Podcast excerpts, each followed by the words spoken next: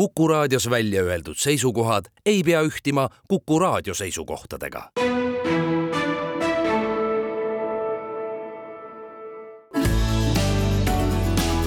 keskpäevatund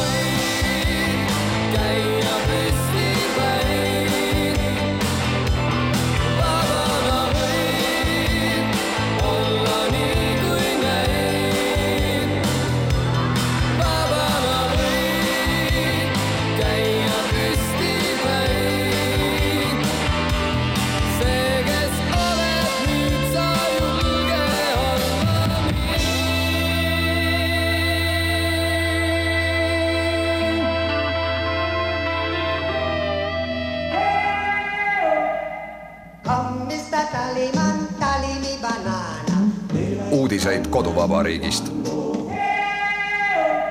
tere, siin Kuku raadio Keskpäevatund Tallinna stuudios Viktoria Ladõnskaja-Kubits ja Ainar Ruussaar ja Priit Hõbemägi. Kuulasime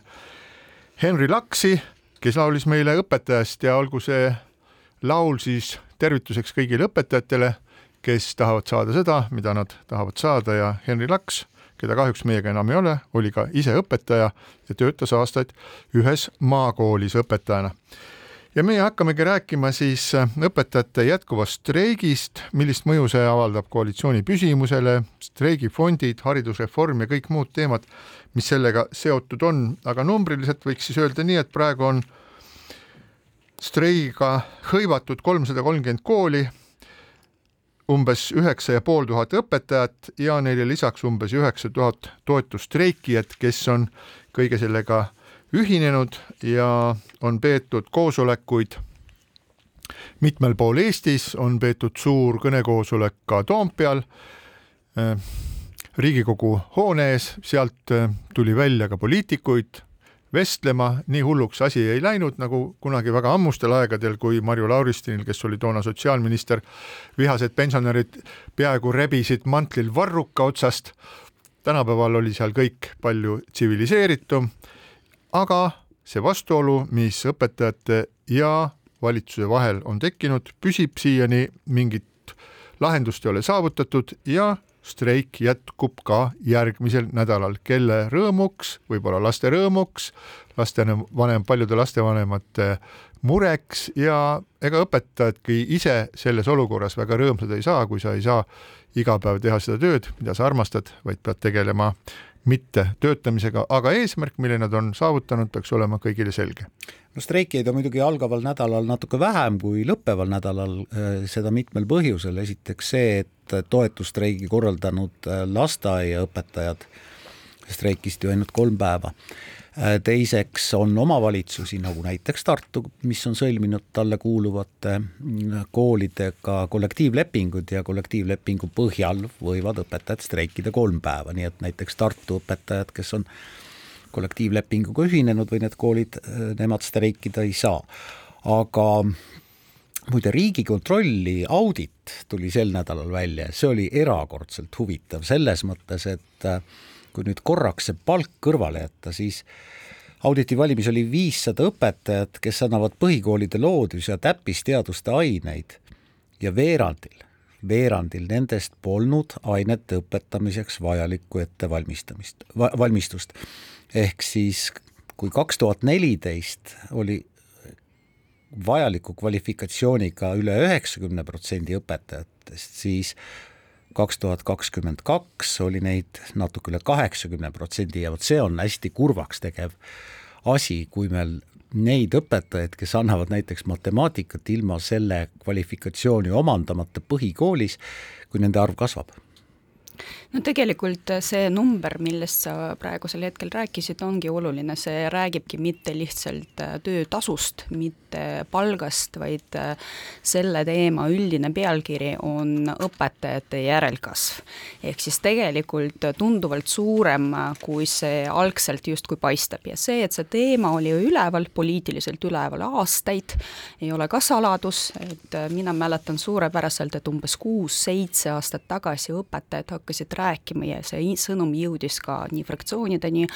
kui ka ma ei tea, kultuurikomisjonini, et äh, meil on kohe-kohe juhtumas kriis, et tegelikult äh, need probleemid olid äh, väga selged ja juba toona käisid läbi kõik need terminid, nii karjäärimudel, noore õpetaja probleem, ehk siis see, et õpetaja saab vastavat haridust, läheb kooli, on ta seal umbes aasta-kaks ja siis põleb läbi ja läheb ära ja ausalt öeldes kultuurikomisjon eelmise Riigikogu koosseisu ajal tegeles üsna pingsalt selle teemaga, lausa oli üks erakondadeülene dokument valmistatud, mis aastal kaks tuhat kakskümmend üks märtsis, siis kui Kallase valitsus alles sai kokku, pärast EKREIKet, siis see paber oli neile saadetud parlamentaarse riigi kohaselt komisjoni poolt ette valmistatuna ja nagu ma ütlesin, see oli täielik konsensus ja oligi ootus ja lootus, et valitsus koheselt hakkab sellega tegu, tegutsema, sest et äh, me aimasime, et kui sellega toona keegi ei hakka tegelema, siis äh, kohe-kohe see kriis koputab äh, uksele ja, ja siis enam nii lihtsaid lahendusi ei olegi võimalik võtta. kahjuks see paber jäigi sinna ja sellepärast äh, kogu see poliitiline kriitika, mis praegu tuleb, kaasa arvatud Reformierakonna poolt ja ka teiste erakondade poolt, ega siin nagu päris puhtaid erakondi ei ole, välja arvatud need, kes alles tulid Toompeale, et äh, tegelikult sellest kriisist ja sellest, mis hakkab hariduses juhtuma, olid, äh, oli teada, nii et äh, ma ei, ma ei saa aru sellest kriitikast, kui peaminister ütleb näiteks haridusministrile, et see on sinu mure, sinu probleem, sina pead lahan-, lahendama seda. et äh, ei, see on ikkagi suur ühiskondlik mure, mida peavad lahendama poliitikud. absoluutselt ja Viktoria, ma lisan siia juurde, et tänavu augustis lisandub kvalifikatsiooninõuetele veel üks nõue eesti keele oskuse nõue. ja ma arvan, et see süvendab probleemi veelgi. Ja tulles veel kord tagasi selle Riigikontrolli mm, juurde, siis äh, sealt aruandest selgub, et äh, meil on enamus õpetajaid küll vastavad formaalselt nendele kvalifikatsiooninõuetele, neil on magistrikraad, neil on õpetajate kutse, aga neil ei ole konkreetse aine andmiseks piisavat ettevalmistust, ehk siis eelkõige loodus- ja täppisteaduse ainetes et, et kolmkümmend neli protsenti õpetajatest, väidab Riigikontroll äh,, omas loodus- ja täppisteaduse ainetes vajalikku ettevalmistust, kolmkümmend neli protsenti, ehk siis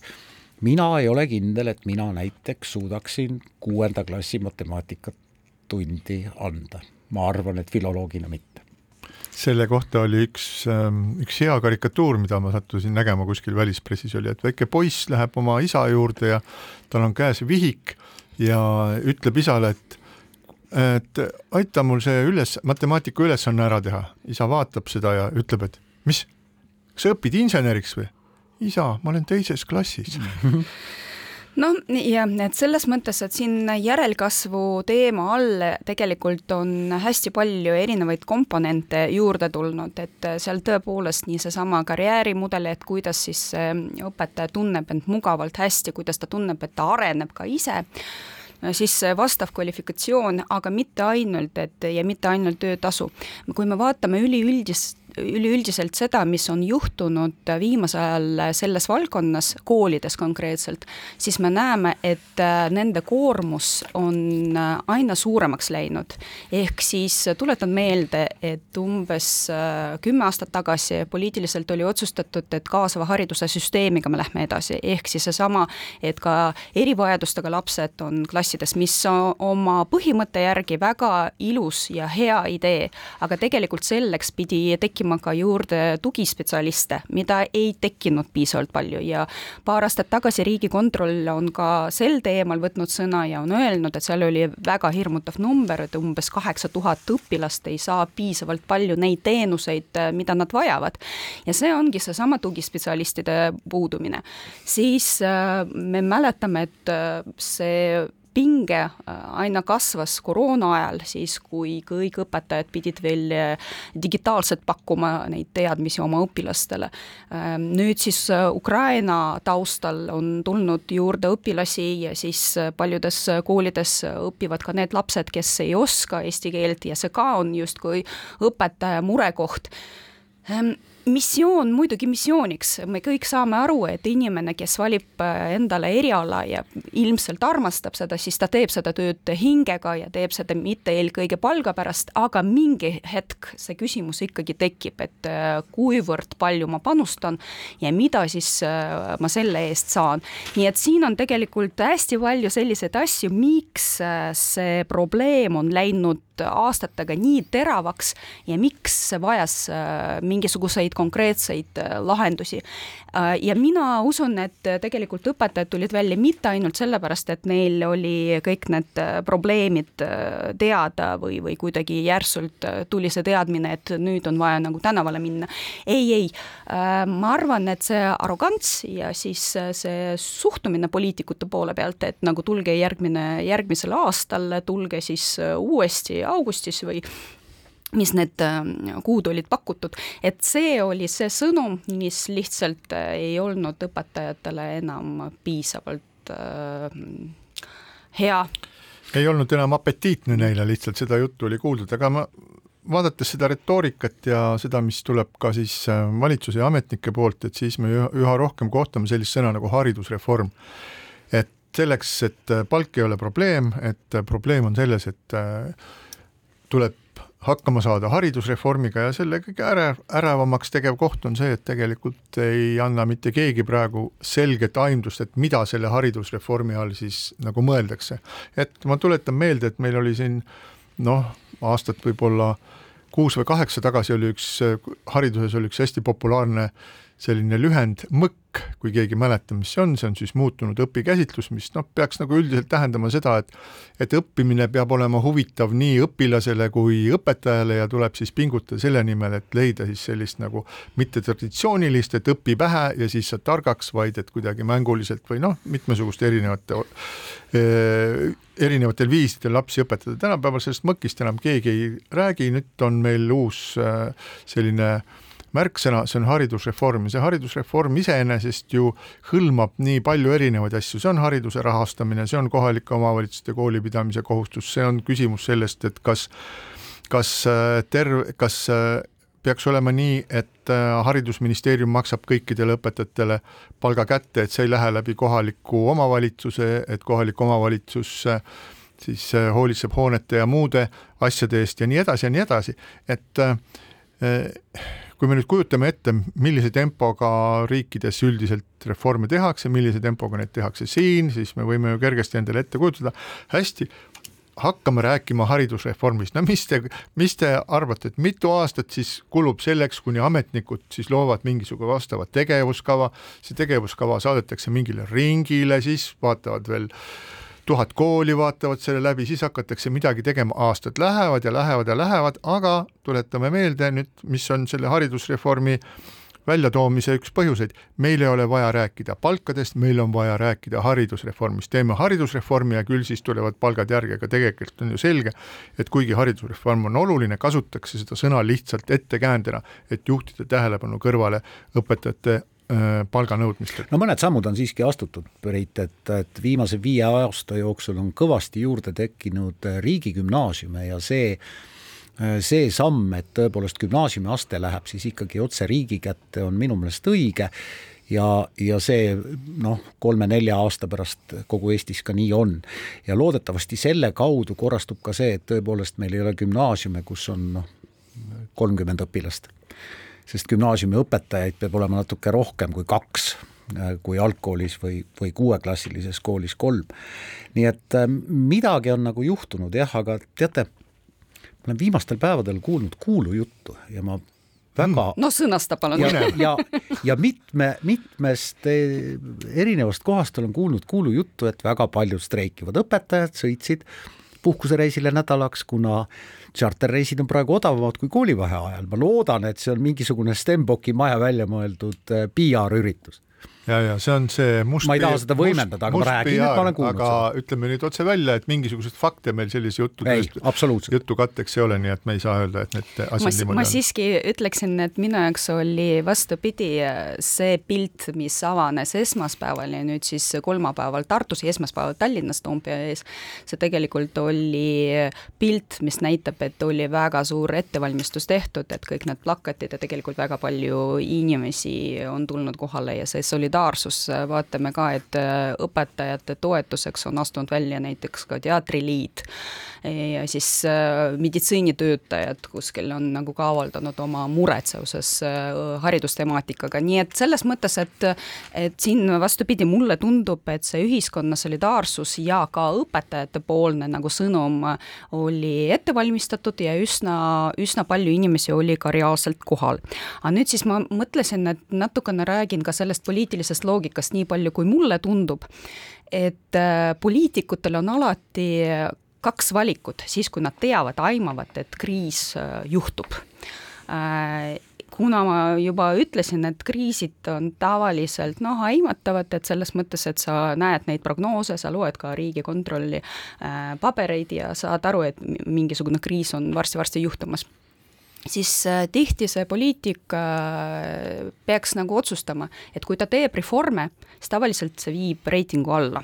sest et reformid mitte iga kord ei ole populaarne tegevus alati on olemas need, kes on selle reformi vastu.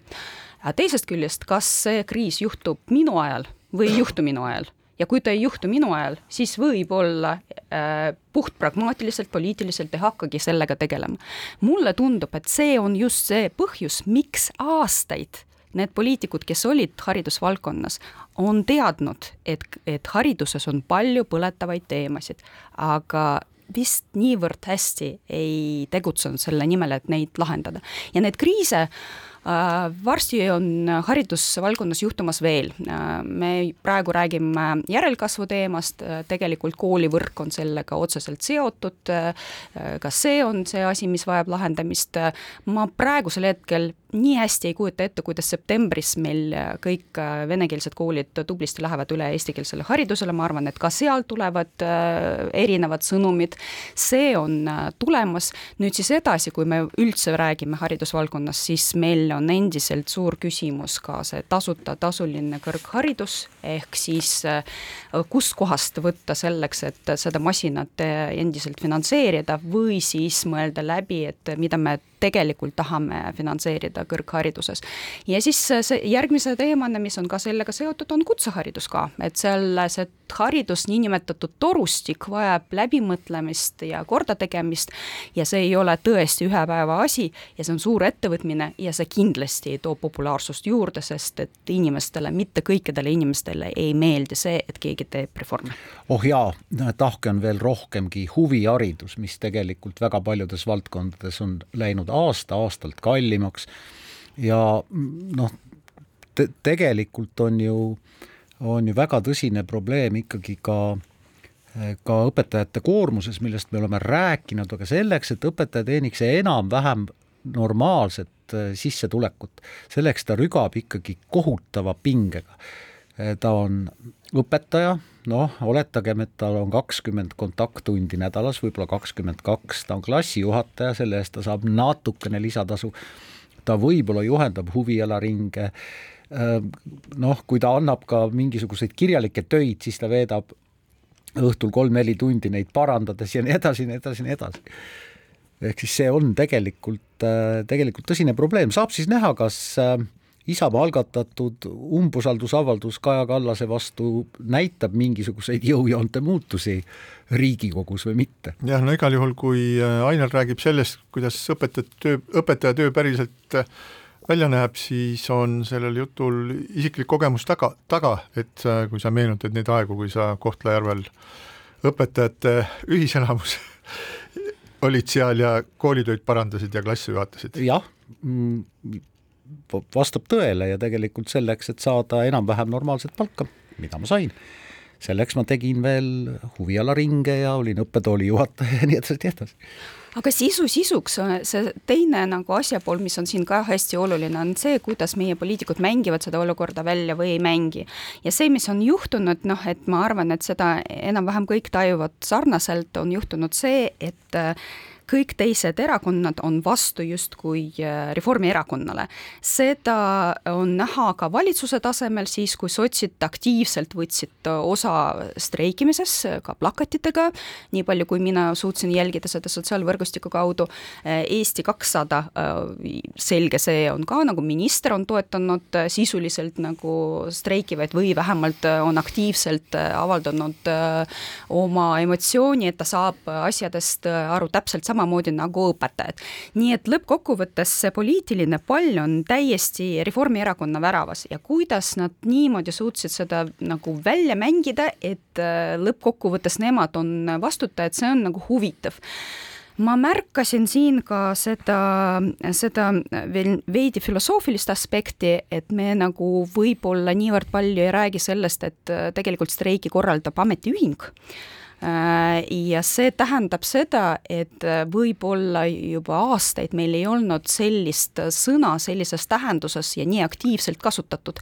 ja mis on siin filosoofiline alustala, on see, et näiteks sotsidele a priori äh, ametiühingud kui sellised on noh, arusaadavad ja südames ja siis puhtmaailmavaateliselt ilmselt Reformierakonnale võib-olla ei ole veel kogu see streikimine ja nii edasi, see ei tundu võib-olla puht filosoofiliselt ka niivõrd väga arusaadav ja ehk siin, siin äh, tuleb välja ka mitte ainult see sisuline pool, vaid ka filosoofiline pool. jah, äh, ametiühing ehk siis Eesti Haridustöötajate Liit äh, on kogunud streigifondi ja lubab neile õpetajatele, kes on ametiühingutega liitunud ja kes on viis päeva nüüd siis lõppenud, lõppeval nädalal streikinud ja kavatsevad streiki jätkata, maksta viiskümmend protsenti nende brutotöötasust, ehk siis toetada neid, aga mis on hale naljakas ausalt öeldes, üks õpetaja, kes Toompeal plakat käes seisis, ütles mulle, et tead, Ainar, et ma ei pidanudki uut plakatit tegema. mul oli kodus aastast kaks tuhat kaksteist plakat olemas. ja see on tegelikult natuke kurb. jah, igal juhul on Eesti haridustöötajate liidu volikogu võtnud äh, vastu otsuse avada konto siis streikivate õpetajate toetuste vastuvõtmiseks. Ja on ametiühingu poole on pöördunud siis ka inimesi ja ettevõtjaid, kes soovivad õpetajate streigifondi toetust pakkuda, et äh, selle toetusfondi numbri leiab siis Haridustöötajate Liidu koduleheküljelt ja selle märksõna on annetus streigifondile, aga nüüd äh, selle, selle osas, mis sa, Viktoria, ütlesid, et äh, et osadel erakondadel on äh, nii-öelda loomulikult aru, et nad, nad on streigi vastu juba puht ideoloogilistel põhjustel, et see ei ole selline meetod, mis peaks nagu sobima, et see on selge, et parempoolsed sellist asja ei toeta ja Reformierakond tõenäoliselt ka ei toeta äh,. Isamaa seisukoht on natukene nagu kõikuv või libe, Nad, libisev selles osas? seotud sellega, et nad on ikkagi opositsioonis esiteks ja teiseks ikkagi seal on ka aktiivne endine haridusminister, nii et nad ka proovivad aru saada sõnumist eelkõige. no ei, no Isamaa, lõppeval nädala Isamaa esimehe Urmas Reinsalu sõnum oli ikka väga selge, et et umbusaldada peaminister Kaja Kallast Riigikogus ja ta loodab, et et selle umbusaldusega tulevad kaasa ka mõned tänase koalitsioonierakondade liikmed ja noh, unistada võib ikka, aga igal juhul toimus siis äh, lihtsalt illustratsiooniks sellele, et kuidas siis äh, Reformierakonna juht vaatab nendele asjadele, siis reedel oli, oli Reformierakonna strateegiapäev ja kuulda on, et sellel strateegiapäeval oli Kaja Kallas öelnud, et streik lõpeb ise. Meie ütleks selle peale, no saame näha. Ja siinkohal väike paus.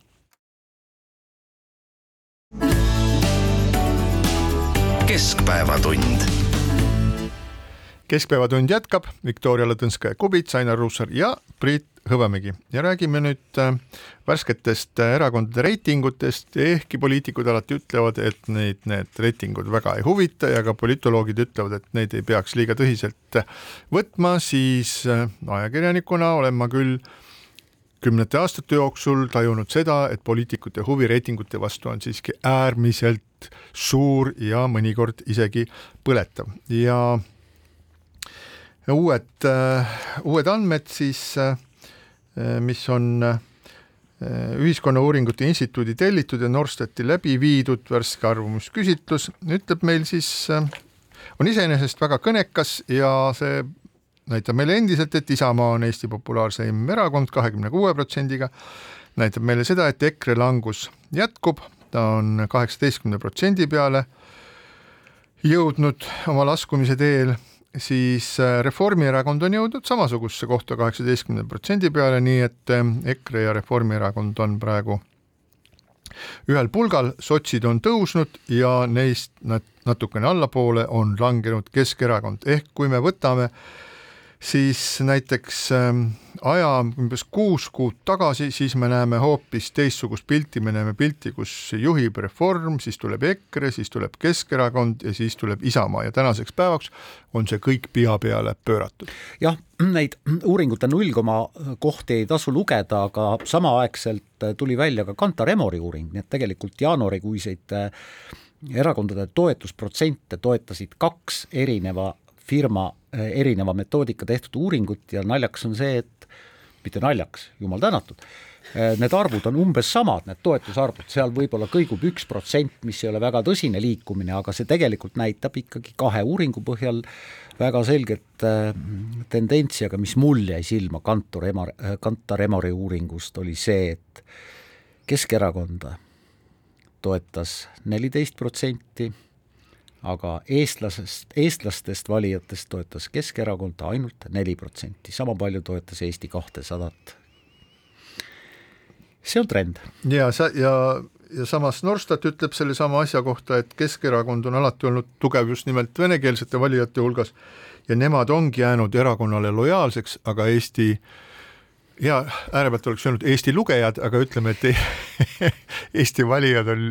on nihkunud siis äh, Keskerakonnast eemale läinud äh, kes kuhu, aga tegelikult noh, me ju anname endale aru seda, et Keskerakond on selline langev täht nii või teisiti. Nende augustist, augustis alanud allakäik jätkub tõenäoliselt läheb veel mõnda aega, ega need Vene valijad sealt tagant kuskile ära ei kuku, aga see, mis ähm, on toimunud siis EKRE ja Reformierakonnaga, mis mõlemad on umbes kaheksateistkümne protsendi peal, on ju, on ju väga huvitav, et see meil levinud äh, nii-öelda poliitiline loogika on see, et Reformierakonda hoidis ühe suure erakonnana Eestis ainult see, või mitte Reformierakonda, vaid Keskerakonda hoidis Eestis ühe suure erakonnana ainult see, et Reformierakond oli ta valinud siis nii-öelda enda siis vastasjõuks ja võitles kogu aeg siis äh, Keskerakonnaga. ja ühel hetkel Reformierakond otsustas, et eh, nüüd valitakse endale selliseks vastasmõjuks, valitakse EKRE, lasti Keskerakonnast lahti, Keskerakonna üldine kajastus langes kohe suures osas ja eh, EKRE oma tõusis, aga nüüd on siis eh, nii Reformierakond kui EKRE mõlemad jõudnud samale pulgale, mis, mis võiks ju näidata seda, et tegelik diskussioon või noh, nende maine ongi ühel pulgal et hea küll, et nad võivad ju teineteisega seal võistelda, aga nad on mingisuguses äh, alumises kategoorias. aga Isamaa ruulib kõige ees ja sotside tõus on ikkagi üsna märgatav, et ähm, see on kindlasti nii see streik kui siis äh, siseministri täiesti tunnetatav praktika ennast vastandada peaministrile, ebapopulaarsele peaministrile vastandades saavutab vastanduv minister tõenäoliselt populaarsust, nii et Läänemets on pressikonverentsidel üsna niimoodi, äh, kuidas öelda, nipsakalt käitunud peaministri suhtes ja vaadake nüüd, sotside populaarsus muudkui tõuseb. nojah, sotsidega liitus ka ju mitu väga nimekat ja tuntud parlamendiliiget, mis ka tõstis nende populaarsust seitseteist protsenti, see on ikkagi märkimisväärne, märkimisväärne kasv jah, tõepoolest aga ku-, noh, jällegi mina kui endine poliitik ikkagi tavaliselt markeerin ära, et need reitingud suurt midagi veel ei tähenda, sest et reiting äh, muutub oluliseks siis, kui on valimiste-eelne periood, esiteks, teiseks, et äh, need reitingud võivad olla õhku täis, äh, eriti siis, kui näiteks vastatakse printsiibil, et ma olen nagu vastu või, või ma praegust poliitikat ei toeta ja ja siis, kui inimene on valimiskasti juures ja ta mõtleb näiteks, et äh, reitingu poole pealt ta toetab ühte erakonda, aga nimekirjas ta ei leia seda poliitikat, poliitikut, äh, kelle poolt siis hääletada, siis see nagu, see muutub, see reiting äh, ebatõenäoliseks, nii et äh, selles mõttes siin on hästi palju neid komponente, miks see reiting ei pea olema praegusel hetkel niivõrd oluline, kuigi jah, ma nõustun nõustun sellega, et see on nagu trendi poole pealt huvitav. milliseid äh, mitte reitinguid, vaid numbreid mina jälgin, ma jälgin viimasel ajal kõik need äh, küsitluste tulemusi, ehk siis äh, näiteks kui palju inimesi toetab, et peaminister lahkuks või siis kui palju inimesi ei toeta automaksu või siis kui palju inimesi toetab õpetajaid, kes streikivad. ja see number tavaliselt tuleb üsna üks ja sama umbes seitsekümmend protsenti, ehk siis äh, kaks kolmandikku, no umbes kaks kolmandikku ühiskonnast. et see tegelikult on, on see oluline, minu jaoks see tähendab, et äh, sisuliselt meil toimub mingil määral lõhestumine ja mingil määral äh, ühiskond ei aktsepteeri seda praegust poliitikat, sellest räägivad ja, ja mulle tundub, seda võiks selgitada ka niimoodi, et äh, olulistes küsimustes on olulisel enamusel elanikest kindel seisukoht saavutatud, et nad ei pea seda tingimata äh,, nad, nad ei, et nad on mõelnud need asjad läbi, nad on kuulanud, näinud, rääkinud ja võtnud selge seisukoha, et need on nagu olulistes asjades, ei ole sellist, et viiskümmend siia, viiskümmend sinna, ei, nendes on mingisugune kindel seisukoht saavutatud. nojah, ja parasjagu tegelikult ikkagi väga palju mõjutab neid äh, küsitluse küsitlustele vastanute arvamusi ka see, mis parasjagu on tegelikult päevakorral, noh jaanuarikuus oli selgelt päevakorral õpetajate streik, õpetajate palgaküsimus, õpetajate koormus ja selle tähelepanu kandus valitsusliidule, ükskõik kas juhtparteile Reformierakonnale, kes siis ütleb, et äh, kümmet miljonit ja järgnevateks aastateks vaja minevat neljasadat miljonit ei ole kuskilt võtta, kui, kui või kui võtta, siis haridusest endast, aga ka sotsidele ja aga ka Eesti kahesajale, kes on noh, selles mõttes nähtavas nähtavas avalikus opositsioonis mõnedes küsimustes Reformierakonnaga, aga kui küsida kolme valitsus äh, liidu erakondade juhtide käest, et kas valitsusliit kestab, siis kõik ütlevad jaa, kestab, kestab, et ega erimeelsused ongi normaalsed. nii et tegelikult see, mis parasjagu on päevakorral, mõjutab ka täpselt samamoodi neid äh, avaliku arvamus, avalikku arvamust ja siis seeläbi ka tegelikult äh, erakondade toetusprotsenti. aga vaadake selle kandi pealt, et meil on tegelikult ju Eestis kaks sellist suurt poliitilist koalitsiooni, üks on Riigikogus ja, ja teine on Tallinna linnavolikogus, need mõlemad on äh, väga olulised ja Tallinna, Tallinna linnavolikogu, ehkki ju formaalselt, eks ole, kohalik omavalitsus on ikka tohutu mõjuga äh, äh, mõjuga nii-öelda kogu. Ja nüüd, kui te vaatate neid mõlemaid, siis Riigikogu koalitsiooni ja Tallinna linnavalitsuse koalitsiooni, siis te näete, et nendes mõlemas koalitsioonis on üks erakond, kes võidab sellest olukorrast ja need on sotsid. Eesti kakssada on sattunud äh, tahes-tahtmatult väga keerulisse situatsiooni, mulle isegi tundub, et Kristiina Kallas äh, ei ole enam nagu Eesti kahesaja minister, vaid ta on Kristiina Kallas, haridusminister, et ta, tema, tema bränd on kasvanud suuremaks, Kristiina Kallase ja Margus Tsahkna bränd on mõlemad suuremad kui Eesti kahesaja omad, nad on isiksused poliitikutena. ja siis äh, Riigikogu koalitsioonis sotsid mängivad ennast hästi välja, streik sobib neile, Läänemets on ennast leidnud sellise avaliku esineja ja rääkijana, ta on enesekindel, karismaatiline, kõik on nagu väga, väga särav ja Tallinna linnas sotsid on saanud endale väikese, aga huvitava tükikese, see on siis linna planeerimine, linna planeerimine on alati see, mis väga paljudele läheb korda, seal on palju progressiivseid inimesi, kes tahaksid, et linnas ei oleks autosid, et seal oleksid ainult jalakäijad ja jalgratturid ka neljakümne kraadise külmaga võib-olla, ma natukene siin ironiseerisin, aga no põhimõtteliselt linn on selline asi, mida on põnev ümber teha. Ja mõlemas selles, mõlemas seltskonnas sotsid on nagu või sees, ma võiks öelda. Noh, ega nad linnas nii väga või sees ei ole, selles mõttes, et äh, ma arvan, et äh, pikemas poliitikas tänase Keskerakonnaga koostöö tegemine Eesti suurimas omavalitsuses äh, noh, on poliitiliselt päris keerukas, aga keerukas on ka see, et kui vaadata Tallinna volikogu koosseisu, siis ilma Keskerakonnata olekski noh, võimuliitu, millel oleks enamus moodustada väga keeruline ja ma arvan, et see võimuliit nageleks ikka palju rohkem kui praegu sotsid ja Keskerakond Tallinnas sel teemal selle nädala sees on ilmunud hästi põnev artikkel, mida kirjutas Mikk Salu ja seda siis Postimehes ja ta kirjeldab olukorda, kus Tallinna linnas võim sõltub tegelikult ühest konkreetsest poliitikust, Jevgeni Ossinovskist. ja kui me paneme seda kokku sellega, mida rääkis paar nädalat, võib-olla poolteist kuud tagasi Raimond Kaljulaid, kes ka proovis initsieerida igatpidi seda, et Keskerakond kukuks positsiooni, siis see sõnum tegelikult läheb äh, selle eelmise jutuga kokku. nii et neil on tõesti oluline roll praegusel hetkel nii valitsuse tasemel kui ka linna tasemel. noh, kas nad suudavad seda välja mängida, vaatame. jah, kahtlemata, aga üks oluline äh, isik on veel, see on Jüri Ratas, kes on si-, siia, siiamaani linnavolikogu Keskerakonna Mihhail Kõlvarti unustati üldse ära või? ei, me räägime. väga oluline inimene linna. me räägime, me räägime kaalukeeltest, kes on selles äh, situatsioonis, kui tuleb, äh, kui soovitakse teha sellist koalitsiooni, mis Keskerakonna kõrvale lükkab ja selge see, et Mihhail Kõlvart selles koalitsioonis siis enam ei ole, vaid jääb, vaid jääb väljapoole, et üks asi on siis nagu lihtsalt parlamendi mate- või mitte parlamendi, vaid volikogu matemaatikat jälgida, et kellel kui palju hääli on. noh, eks ju kõik teavad, et samal ajal toimub seal kuskil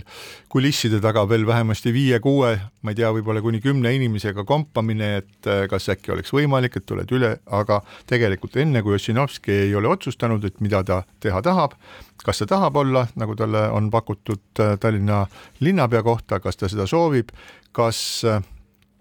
kui Jüri Ratas ei ole otsustanud, mis temast saab, sellepärast et tema häält on ka vaja ja tema mõju on väga suur, kui tema peaks lahkuma,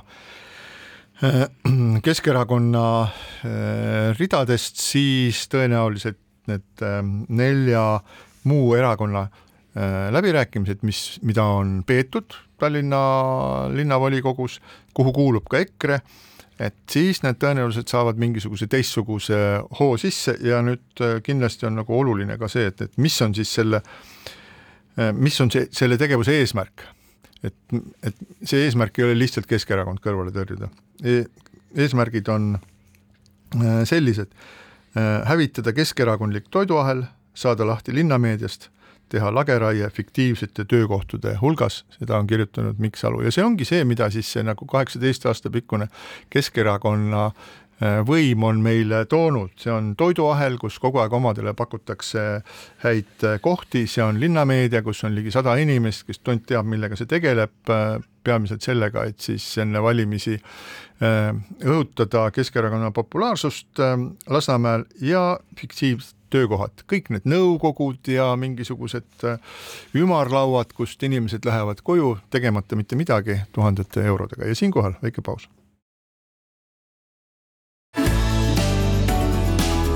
keskpäevatund. ja Keskpäevatund jätkab Viktoria Ladõnskaja-Kubits, Ainar Ruussaar ja Priit Hõbemägi. Ja räägime nüüd sellest, mis võib-olla kõige enam inimeste meeli paelub peale õpetajate streigi loomulikult. Ja see on äh, president Alar Karise iseseisvuspäeva vastuvõtt kahekümne neljandal veebruaril Estonia kontserdimajas, nüüd kohe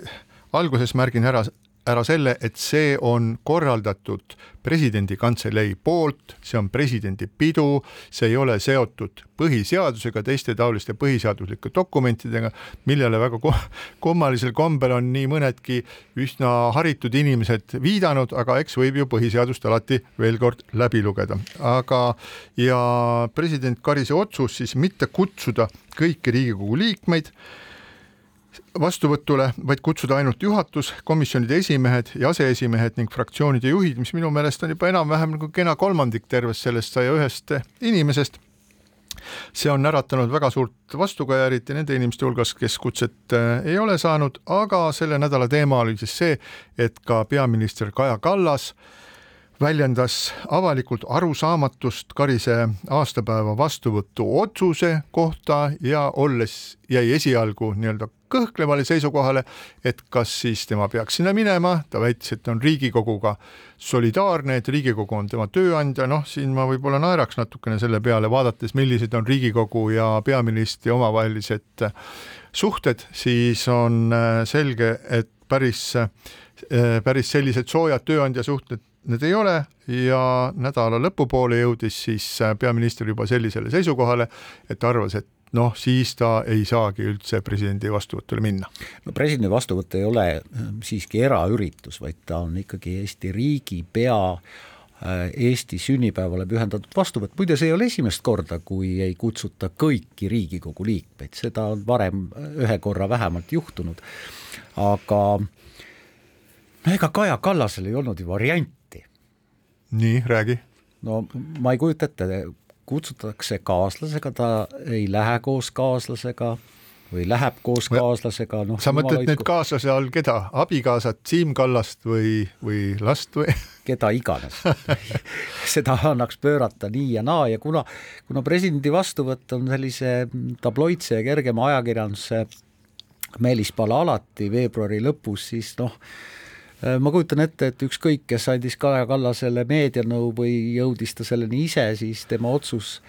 oli ka lihtne põhjendada muidugi, et jah, ta on solidaarne nende Riigikogu liikmetega, mm, keda ei kutsuta, aga põhjus, ma julgen seda küll väita, ei olnud mitte selles, kui palju Riigikogu liikmeid kutsuti, vaid hoopis muus mina oma jutuga läheks äh, pisut tagasi, et ehk siis sinna, millega põhjendas siis president, et miks ta ei saa kutsuda kõiki riigikogulasi. et äh, seal oli mainitud muuhulgas ka see, et ruumi äh, on ilusti vähe ja tegelikult noh, kui mina nüüd värskendan oma mälu ja siis mõtlen selle peale, et kui palju kordi räägiti, kaasa arvatud meedia poolt, et tegelikult on vaja midagi muuta. kord räägiti selle sellest, et kätlemistseremoonia on liiga pikk, kord räägiti sellest, et, et see võiks olla mitte istudes, olid ka seistes nagu vastuvõtt. ja siis inimesed hakkasid minestama seal kohapeal. kord räägiti sellest, et see on muutunud äh, kleitide paraadiks, äh, ehk siis äkki hakkame teistmoodi seda korraldama, et ei oleks nagu, et ei paistaks kogu see ilu võib-olla, kätlemine nii, nii iseenesest ja siis, kui äh, ma mäletan äh, siis eelmiseid kogemusi, siis tõepoolest see on ehk natukene veider, kui on kutsutud palju inimesi ja osa neist istuvad saalis ja teised istuvad kuskil kohvikus ja ekraani kaudu jälgivad sedasama kontserti.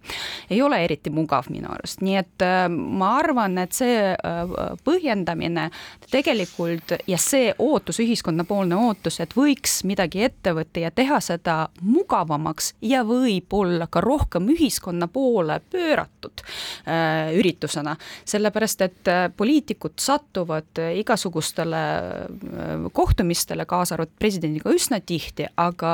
tavaline inimene ei pruugi sinna sattuda, ehk siis võib-olla tõesti mingisugused säravaid õpetajaid, muuseumi töötajaid, ma tahaks rohkem tavalisi inimesi seal näha, kelle jaoks see tõesti muutub võib-olla elusündmuseks,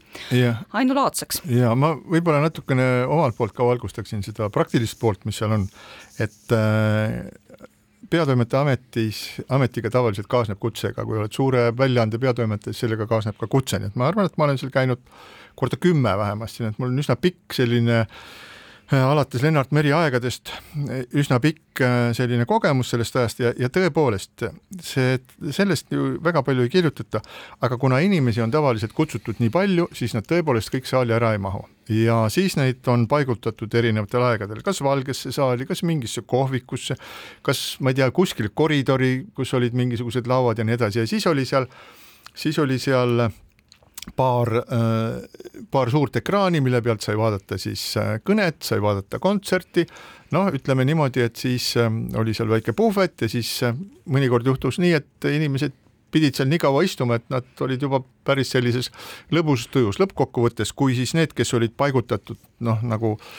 teise või kolmandasse ešeloni, mida tähendas siis ähm, seal on kultuuritegelased, sportlased, ajakirjanikud ja muu sedasorti rahvas, võib-olla ka väiksemad ettevõtjad, et kui need ükskord jõudsid sinna kätlema, siis oli kell juba pool kümme, aga kogu see asi algab kell kuus ja siis te kujutate ette, et siis ka ühiskonnas, ja ma, ma ei räägi iseendast, ma räägin lihtsalt sellest nagu olukorrast, ka terve suur hulk selliseid nagu olulisi inimesi jõuab siis sellele peole siis, kui suurem, kui, kui Riigikogu liikmed, valitsuse liikmed, ministrid, ametnikud on juba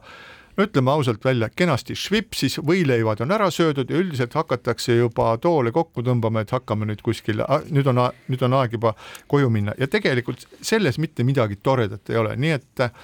ja ka selle kontserdi vaatamine seal kuskil oodates ja siis vaadates seda kätlemist, kes kestab tund ja poolteist ja kaks tundi ja sa ikka ootad, ootad, ootad, nüüd sellepärast selles osas